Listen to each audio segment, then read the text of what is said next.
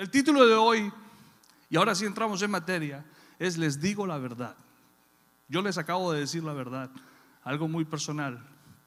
El título de hoy bajo esta serie es Les digo la verdad. La palabra en Génesis 1.27 dice lo siguiente, dice, así que Dios creó a los seres humanos a su propia imagen, a imagen de Dios los creó, hombre y mujer los creó. Es una gran verdad. La palabra es verdad. Usted y yo vamos a poder ser influencia a través de la verdad. Usted y yo no vamos a poder, quizás vamos a poder influenciar a muchos con mentiras. En el Instagram es lo más mentiroso que hay en el mundo.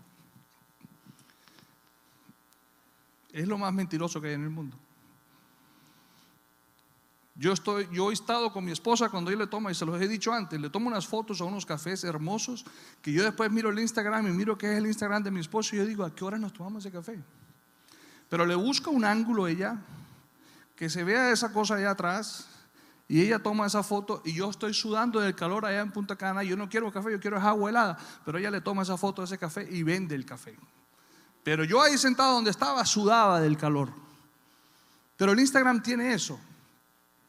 Quizás para ella ese momento es una gran realidad, es el café, es el no, pero para mí es otra y estoy con ella. Pero el 90% de lo que está en Instagram es una mentira. Y nos dejamos guiar e influenciar muchísimo por eso. Incluso cometemos el error de que comparamos nuestras vidas con aquellos a quienes seguimos y queremos igualarlos o mejorarlos. Y caemos en una competencia absurda y realmente lo que sucede es que nos dejamos distraer de lo que Dios verdaderamente nos ha llamado. Los seres humanos hemos sido creados por Dios para conectar a través de la verdad. Hemos aprendido en esta serie que conectamos a través del corazón, conectamos a través de la obediencia, pero también conectamos a través de la verdad. Y podemos influenciar a través de la verdad. La verdad es la que va a prevalecer. La verdad es la que va a tocar a tus generaciones. La verdad es la que va a influenciar a tus nietos. La verdad es la que va a hacer una gran diferencia en tu vida, no una mentira.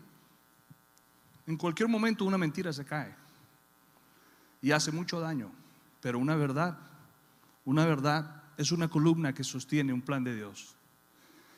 Y yo te animo en esta mañana a que seamos influencia a través de la verdad. En 1.27 el Señor dice que nos creó a su imagen y semejanza, una gran verdad. Lo hemos estudiado, lo hemos hablado aquí muchísimo. Pero en el 2.7 del mismo Génesis, Él nos dice cómo lo hizo y la palabra dice, luego el Señor Dios formó al hombre del polvo de la tierra. Pero viene esta parte que me, me gusta muchísimo. Dice, sopló aliento de vida en la nariz del hombre y el hombre se convirtió en un ser viviente. Él nos comparte su aliento de vida. Yo quiero que pongan mucha atención a lo que vamos a hablar hoy. Él nos comparte su aliento de vida. Él nos, comparte, la palabra es Neshama. Ese Neshama nos lo, nos lo comparte, nos da vida a través de su aliento. Y de allí en adelante, cada día nuestro, después de que nacemos, aún sin hablar una sola palabra o pronunciar una sola vocal, decimos su nombre. Jehová, ya ve. Respiramos y decimos su nombre. Es una gran verdad. Yo creo que es una verdad liberadora para aquellos que tenemos duda de quiénes somos, de si lo estamos haciendo bien o para dónde vamos o si en realidad Dios tendrá un plan con mi vida. Si tú piensas que Dios te dio vida a través de su aliento, que Él compartió de su aliento en ti, lo impartió, te lo compartió, te lo dio, lo sopló en tu nariz para que pudieras respirar y pudieras vivir, definitivamente eres algo especial para Dios. Amén no solo nos creó a su imagen, sino que también nos compartió de su aliento. Todavía, yo puedo decir que hasta el día de hoy somos testigos de este gran milagro. Y lo vemos en los hospitales todos los días. Cuando un bebé nace, ¿qué es lo primero que hace? Respira y llora. Ese es el momento mágico del aliento de vida. No tenemos que pensar en Génesis nada más, cuando el Señor creó al hombre del polvo de la tierra y imaginarnos que el Señor bajó a la tierra. Y Vamos, hoy, ¿cuántos niños acaban de nacer? ¿Cuántos van a nacer hoy? ¿Cuántos nacieron ayer? ¿Cuántos niños, cuántas familias han presenciado, cuántas madres, cuántos padres han presenciado el milagro del aliento de vida en sus bebés? La presencia del Señor en nuestras vidas. Solamente si lo miramos desde esta forma, podemos darnos cuenta que verdaderamente la verdad es la que nos hace libres. Porque yo con solo esta este pequeña introducción he recibido para caminar diferente de hoy en adelante.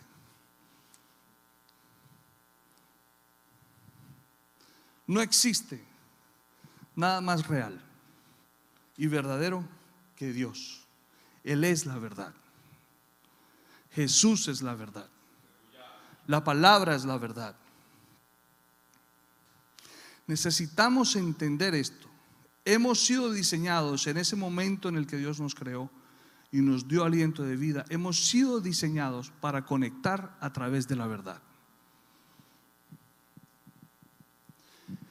También nos han enseñado a través de los años, las tradiciones, la historia, aún en las iglesias, que los pastores son unas eminencias y tienen que ser prácticamente sin tacha y sin error. Pero eso es una mentira. Eso es una gran mentira. Yo quiero que me digan cuántos de ustedes han visto a un pastor que le dedica una canción mundana a su esposa desde el púlpito. Y si yo lo hago en mi casa, y si yo lo hago en la habitación del hotel en donde estoy de vacaciones, ¿cuál es la diferencia de hacerlo aquí? ¿Cuál es la diferencia? ¿O acaso Dios no está allá? Solamente está aquí. Entonces el reto nuestro. Alguien me dijo una vez, y no voy a decir el nombre, me dijo, pastor, ¿sabe que a mí me gustan los vallenatos? Y yo le dije, son unos poemas.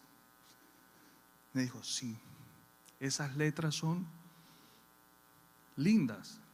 Y cuando hablan de la sabana y de la naturaleza y de la mujer y de los hijos, son lindas. Y me dijo, pero bueno, son vallenatos. Ya me dijo que los escuchaba en el carro, sin decírmelo. Porque no le puede, no le puede gustar algo que no ha escuchado. ¿Verdad? O sea que el Señor está aquí en la iglesia, pero no está en el carro cuando está escuchando vallenatos. Seamos honestos. Vengamos con la verdad delante de Dios. Hemos sido diseñados a través, hemos sido diseñados con Dios para conectar a través de la verdad. Yo sé que hay más de uno aquí que se identifica conmigo. Hay más de uno. Aunque no levanten la mano, no me importa. Juan Carlos, pero ¿por qué muchas veces entonces, si hemos sido diseñados para conectar con la verdad, ¿por qué muchas veces entonces hemos caído en creer esas mentiras que nos han dicho? ¿Por qué? ¿Por qué hemos caído en esa mentira? ¿Por qué hemos sufrido con tantas mentiras? ¿Por qué? Si hemos, yo he creído esa mentira en mi vida, pero ¿por qué? No entiendo si hemos sido diseñados para conectar con la, con la verdad. Lo que pasa es que esos vacíos que tenemos en nuestras vidas nos llevan a creer y a desear que esas mentiras sean verdad. Por eso caemos. Cuando idealizamos una vida, cuando idealizamos un trabajo, cuando idealizamos una relación, cuando idealizamos una iglesia, cuando idealizamos un pastor, un apóstol, una familia pastoral.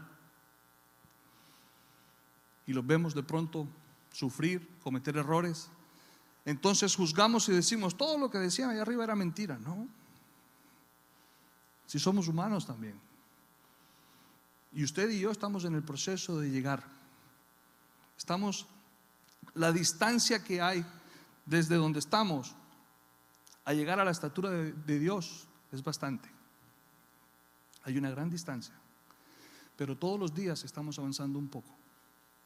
Todos los días nos estamos acercando más. El mismo Pablo dijo, no pretendo haberlo alcanzado. Pablo, que no es cualquier, como decían en Barranquilla, cosita de comer con la mano. Pablo era un señor predicador y de él vamos a hablar más adelante. Estamos en ese proceso de llegar, pero necesitamos ser honestos. Necesitamos entender que hemos caído en muchas mentiras porque hemos deseado que sean verdad y nos han ganado las emociones. Nos han traicionado las emociones.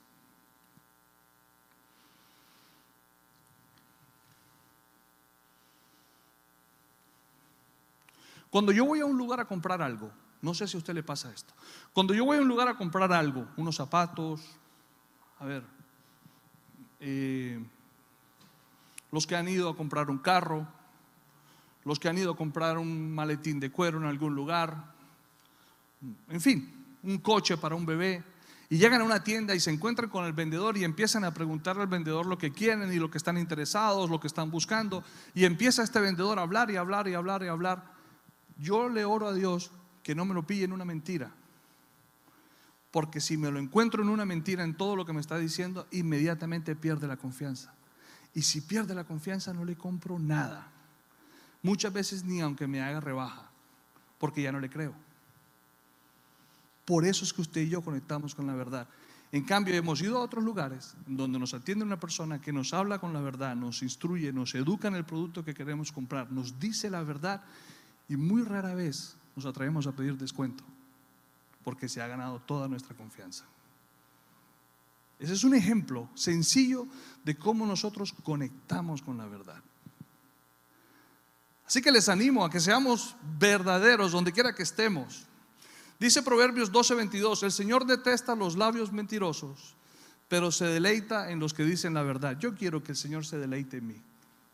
Si usted quiere que el Señor se deleite en usted, entonces hablemos la verdad, digamos la verdad, seamos honestos, primero con nosotros mismos para después poder conectar con la gente y ser honestos con ellos.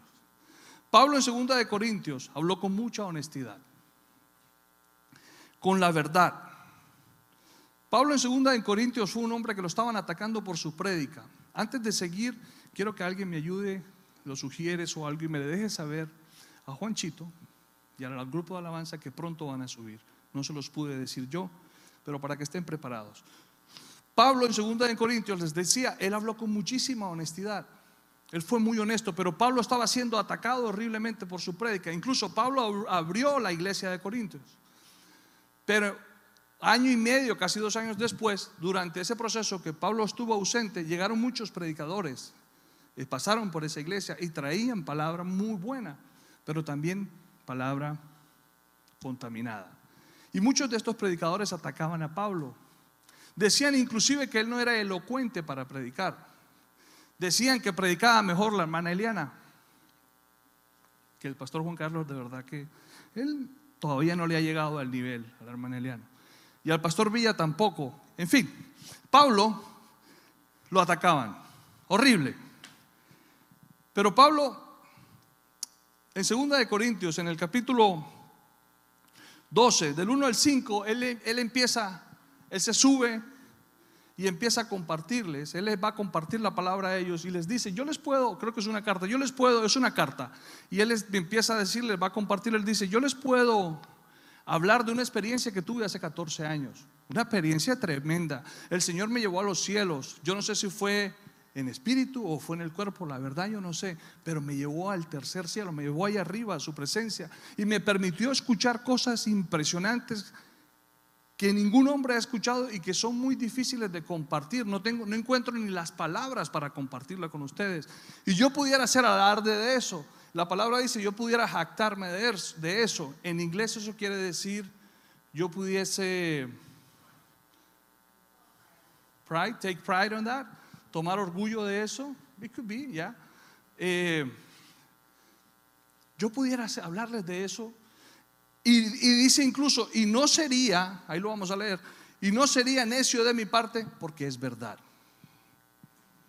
O sea que los que toman alarde y se jactan y hacen alarde de cosas que son mentiras, son llamados necios en la palabra. Pero él dice, como es verdad, no sería necio de mi parte. Y él empezó por ahí a compartirles, pero de pronto él cambia todo. Y dice en el 5, de esa, dice, de esa experiencia vale la pena jactarse, pero no voy a hacerlo. Solamente me voy a jactar o voy a hacer alarde de mis debilidades. Wow, el apóstol Pablo va a hablar de las debilidades. El hombre que lo estaban persiguiendo en sus prédicas para encontrarle una falla. Estaban hablando mal de él, pero para desacreditarlo, no era no porque tuvieran una verdad en contra de él. ¿A cuánto nos ha pasado eso? Que hay gente que nos quiere desacreditar. ¿A cuánto nos ha pasado que hay gente que ha hablado mal de nosotros sin tener evidencia de ello? muchos. A Pablo le pasó. Pero lo impresionante es que Pablo les dice, les puedo hablar de todo lo espiritual que yo sé que soy y que he sido y he vivido, pero no les voy a hablar de eso. Les voy a hablar de mis debilidades. Yo me imagino que los que estaban dijeron, hey, lo agarramos, se rindió. Y dice si quisiera hacer alarde, no sería ningún necio al hacerlo porque estaría diciendo la verdad. Pero no lo haré porque no quiero que nadie me atribuya méritos más allá de lo que pueda verse en mi vida u oírse en mi mensaje. En otras palabras, no quiero que nadie me dé méritos o atributos que yo no haya podido demostrarle con mi vida, con mis actos. Esos son los méritos que me pueden dar, lo que yo les he modelado la verdad que yo les he dicho y la verdad que yo he vivido. Porque cualquier otra cosa que digan los que no me conocen es mentira. Aun cuando he recibido de Dios revelaciones tan maravillosas, así que para qué impedir, así que para que impedir que me volviera orgulloso, se me dio una espina en mi carne. Wow. Un mensajero de Satanás para atormentarme e impedirme que me volviera orgulloso. En otras palabras, este hombre abrió su corazón y dijo, lucho con algo en mi vida, pero Dios lo ha usado muy bien para mantenerme con los pies en la tierra. Porque para lo que Dios me ha revelado, cualquiera se puede creer Superman. Pero esta espina en mi carne Dios la está usando para mantenerme humilde, aterrizado, caminando aquí en medio de ustedes. ¿Saben qué me parece curioso? Que Él no dice qué es esa espina, Él no la explica y le doy gracias a Dios que Él no la comparte. Porque si hoy en día supiéramos cuál es esa espina, cuál es esa ponzoña, cuál es esa lucha que Él tiene en su carne, hiciéramos lo mismo que hacemos con Instagram, nos compararíamos con Pablo. Y dijéramos, ah, era la mentira. Ah, no, yo no digo mentiras. Entonces fuéramos enseguida tomáramos posiciones en donde Pablo lo viéramos aquí. O eran las mujeres, ese no es mi problema. O era la mala administración del dinero. Yo tengo evidencia que yo administro muy bien mi dinero. Pobrecito Pablo, y lo viéramos allí. Pero ¿y qué si hubiese sido lo contrario? ¿Qué si nosotros hubiésemos cometido un pecado mayor que el de Pablo, entonces nos sintiéramos inferiores y condenados. Le doy gracias a Dios que no le permitió a Pablo escribir cuál era esa ponzoña, porque nos hubiese hecho daño a todos en el día de hoy. Ahora dice, en tres ocasiones distintas, o sea que no fueron en el mismo día, en tres ocasiones distintas le supliqué al Señor que me la quitara. Y cada vez Él me dijo, mi gracia es todo lo que necesitas. Mi poder actúa mejor en la debilidad. Wow. Señor. Y los que pensaron que lo iban a agarrar, que ahora sí Pablo iba a decir y que ya tenían con qué acusarlo, ¿qué hicieron con esta, con esta porción de la palabra? Mi gracia es todo lo que necesitamos y su poder actúa mejor en nuestra debilidad. Así que ahora me alegra hacer alarde y jactarme de mis debilidades, para que el poder de Cristo pueda actuar a través de mí. Yo quiero que el poder de Cristo actúe en mi vida. Yo quiero que el Señor obre en mi vida. Yo creo que el, yo quiero que el Señor transforme mi vida. Y la única manera de que el Señor pueda transformar mi vida es si yo voy delante de Él con honestidad y le demuestro y le enseño y le hablo y le comunico y le expreso mis debilidades. No si me escondo de ellas y mucho menos si las justifico. Y tampoco si culpo a otros. Porque cometemos ese error de culpar a nuestros padres o a nuestros antepasados o al jefe porque me provocó. ¿Para qué me buscó? El que me busca me encuentra y llevó. Y le echamos la culpa al otro cuando el otro tiene un golpe en la, cara y nosotros no tenemos culpa porque fue quien me provocó. Y no reconocemos esa debilidad de carácter. Así que ahora me alegra jactarme en mis debilidades para que el poder de Cristo pueda actuar a través de mí. Es por eso que me deleito en mis debilidades pero aquí hay otra parte que me sorprende y dice, es por eso que me deleito en mis debilidades y en los insultos, en privaciones, persecuciones y dificultades que sufro por Cristo, pues cuando soy débil, entonces soy fuerte. Para la sociedad, hoy en día, el que te insulten, el que te persigan, el que te minimicen, el que te humillen y que tú te quedes callado es una es un síntoma de debilidad. Por eso habla de los insultos. Pero dice Pablo que él se deleita en esas cosas, porque entonces, cuando él es débil, aparentemente para la sociedad, es completamente fuerte en Cristo. Tú sabes que para la sociedad hoy en día el hombre que tiene dos y tres mujeres es más hombre. Ese sí es un hombre de verdad, porque tiene dos y tres mujeres. Tiene dos, tres novias. Y realmente es más hombre el que es capaz de decir que no y honrar a una sola mujer. Ese sí es hombre. Ese sí. Ese sí es hombre. Y no va a poder, no va a poder hacerlo o corregirlo si no lo reconoce. Es verdaderamente hombre aquel que puede honrar a una sola mujer. A eso te ha llamado Dios, a vivir con la verdad. Pablo nos da un ejemplo de una verdadera transformación.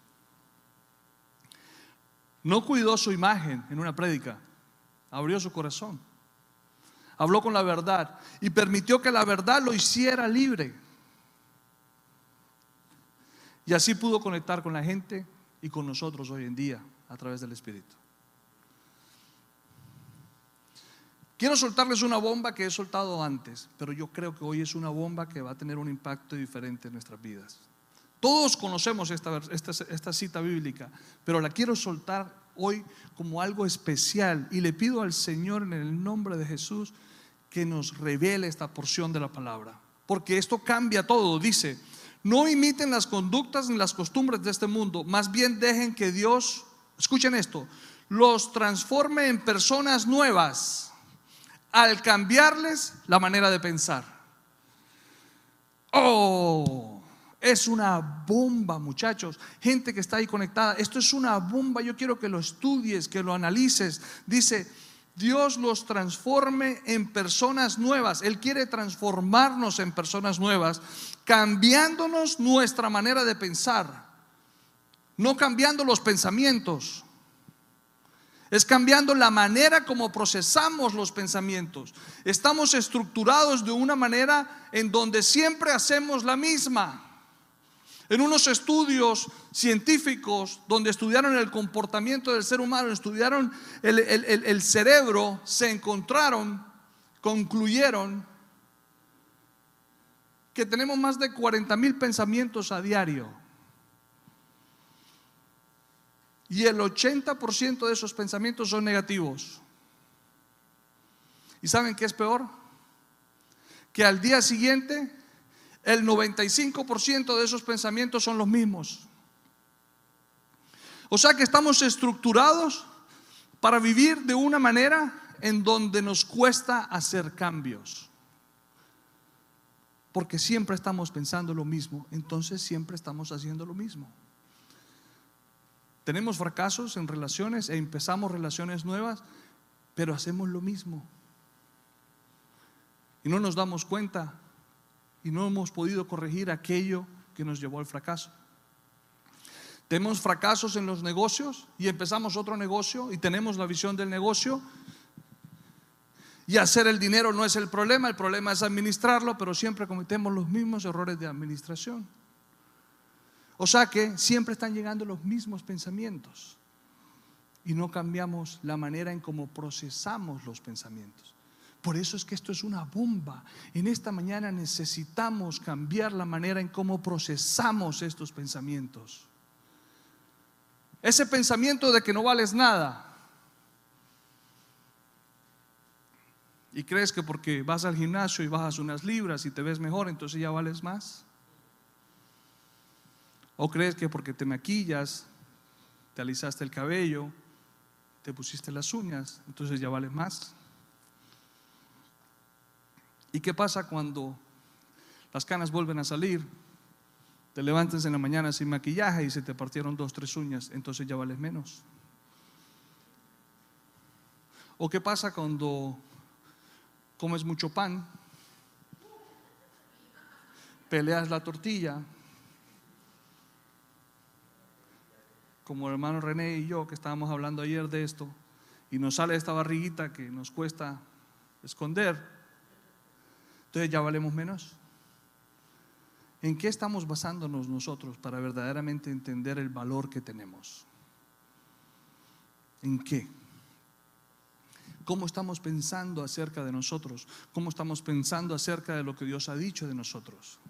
Señor, ¿será que yo me merezco eso que me dijeron? Claro que sí te lo mereces. Por supuesto que sí.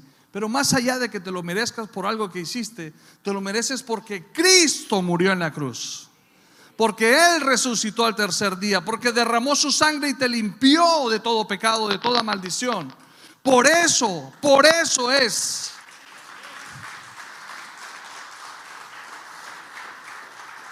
Necesitamos dejar de ser conocedores de la palabra y volvernos hacedores de la palabra.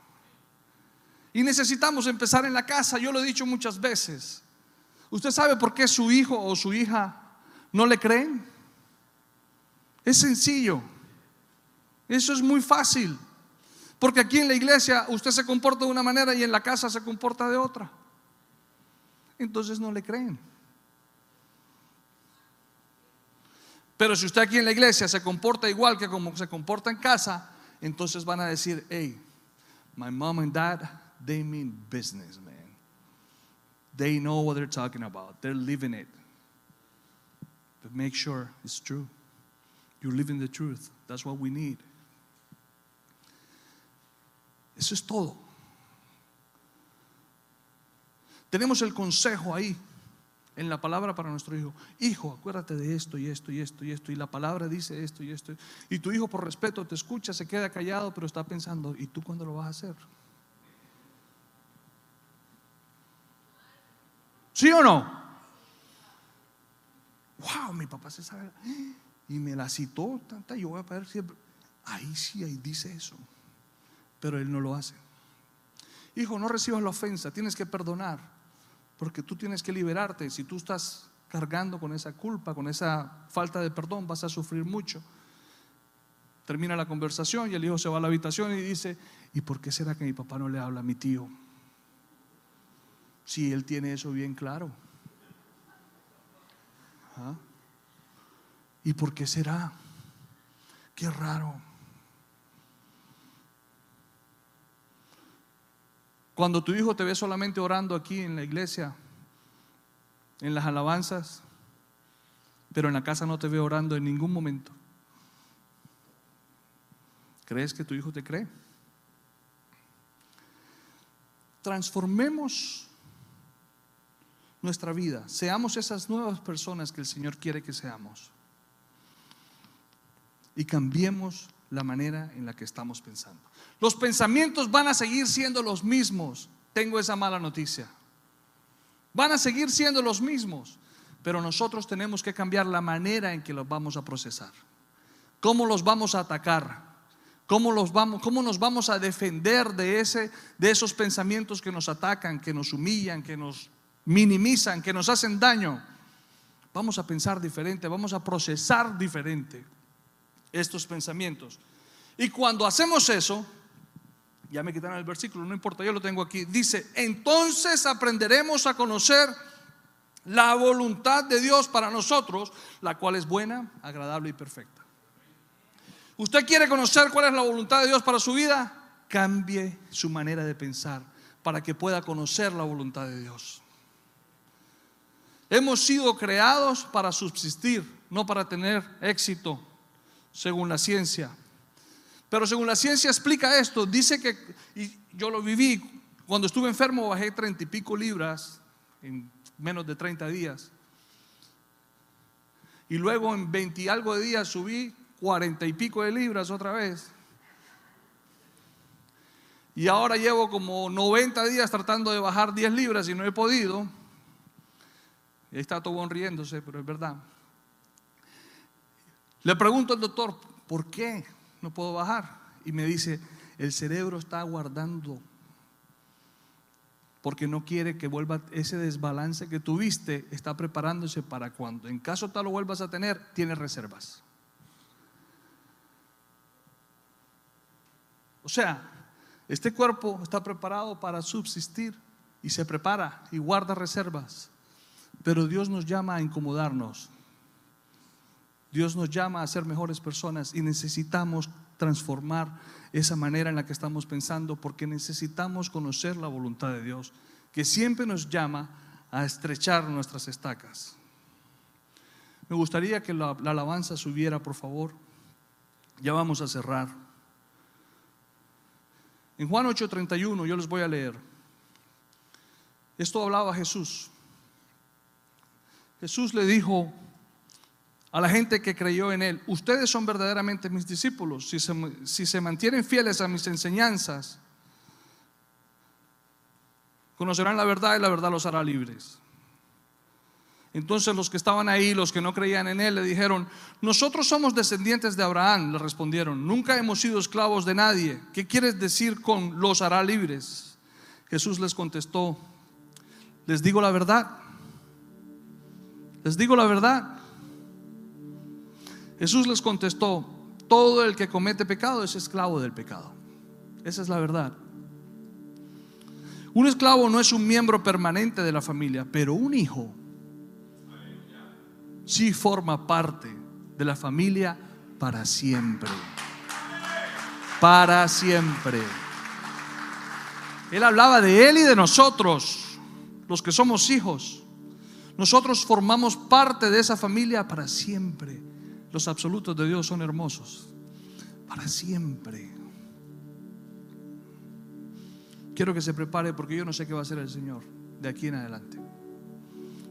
Tanto los que están en casa como los que estamos aquí, preparémonos.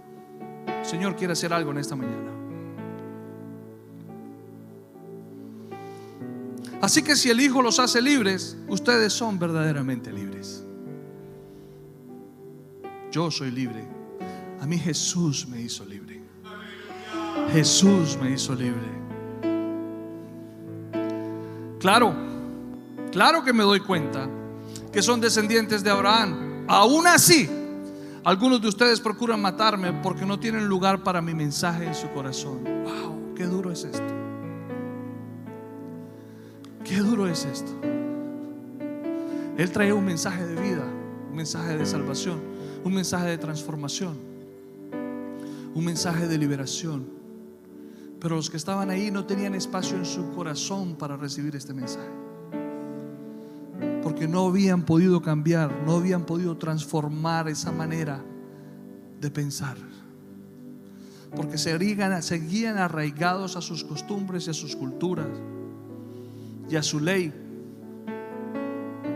Yo les cuento lo que vi cuando estaba con mi padre, pero ustedes siguen el consejo de su padre. Wow, ¿de qué padre les está hablando?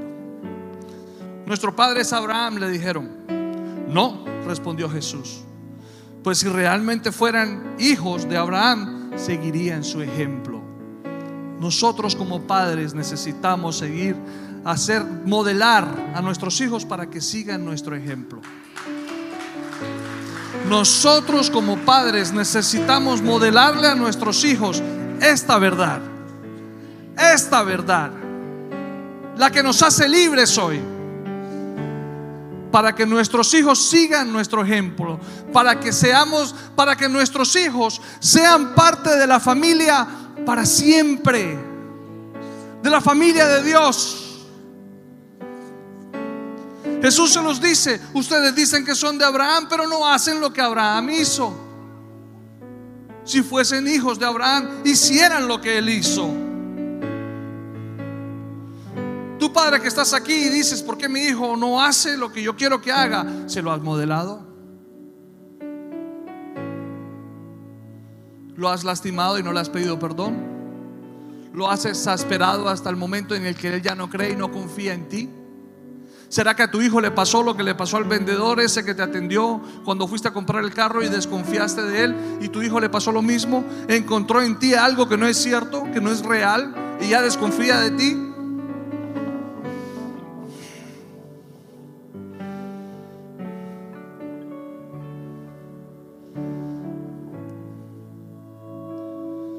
En cambio, en cambio, procuran matarme porque les dije la verdad.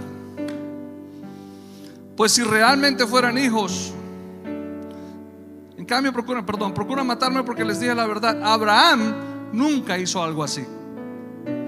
No, ustedes imitan a su verdadero padre. Ahí sí se nos va a soltar como es.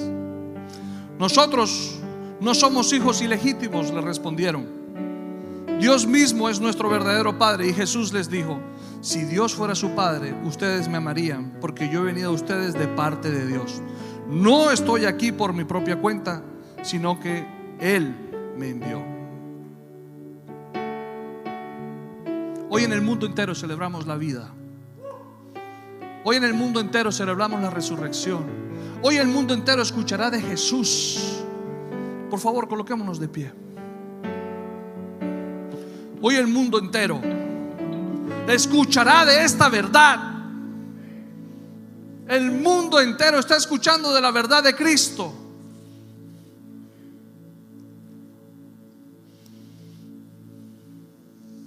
Ese joven que estaba en la tumba.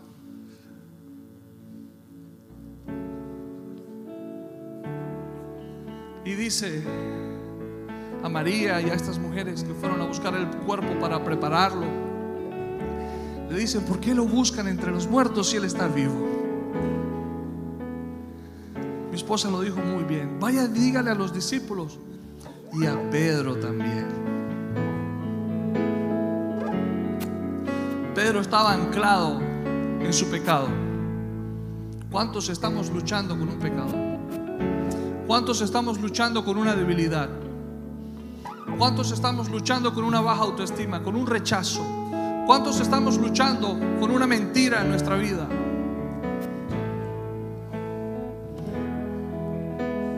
Pero el Señor se acordó de nosotros hoy. Hoy que el Señor resucita nos dice, vaya dígale a sus discípulos y a Ronald, a René, a Juan Carlos, a Iparraguirre, a Alejandro, a Talita,